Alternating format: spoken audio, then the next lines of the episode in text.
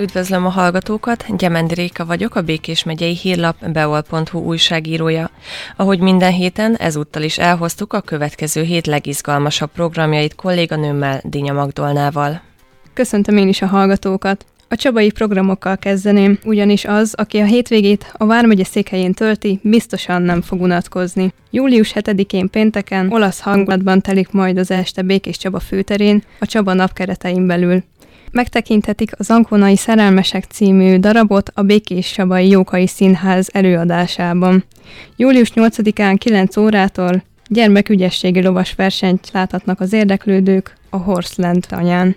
16 órakor 500 darab Csaba szelet kerül kiosztásra a Szent István téren.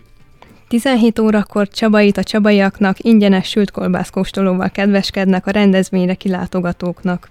Ezt követően fellép a Santana Tribute és a Deep Purple Tribute. Július 12-én zseblámpás tárlatvezetése van lehetőség a Munkácsi Mihály Múzeumban a Váci mumiákkal kapcsolatos kiállításon. Este 19 órakor a Csaba Gyöngyes tégen francia estet tartanak. Kémendi Tamás harmonika művész és Kusnyér Anna színművésznő közös koncertjével.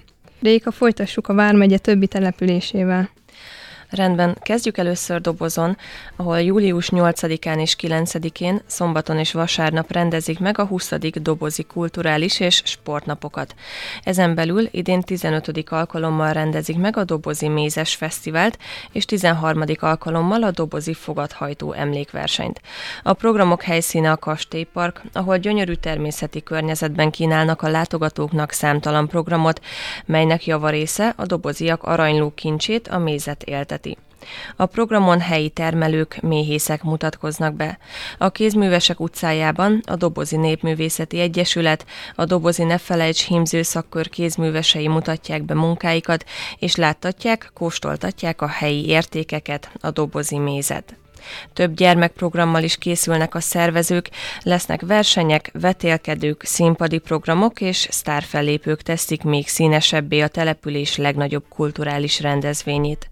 Szombaton a lovas sport szerelmeseit várják a fogadhajtó versenyre, illetve ekkor lesz az elszármazottak találkozója, ahova idén ötödik alkalommal várják a településről távol élő egykori doboziakat. Gyulán július 7-én pénteken veszi kezdetét a Free Zenei Fesztivál, ami július 9-éig várja a zene iránt érdeklődőket a fürdővárosban. Július 8-án, szombaton 9 óra 30 perckor indul a 14. Országos Senior Tánc Fesztivál szintén Gyulán. Július 11-én kedden este 8 órakor kezdődik a Gyulai Nyári Korzó Fesztivál, ahol a Krumpli de la Paprika koncerttel várják az érdeklődőket a Rondella teraszon. Mezőbenényben július 8-án szombaton 8 órakor veszi kezdetét a két keréken 300 km 300 év túra.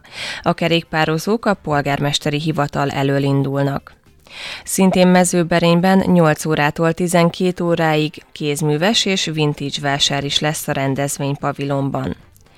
Orosházán folytatom a programajánlót, ahol július 7-én pénteken este 6 órakor felcsendülnek a nyáresti romantikus dallamok, hiszen a Békés megyei szimfonikusok kamarazenekara koncertezik az Árpád kertben.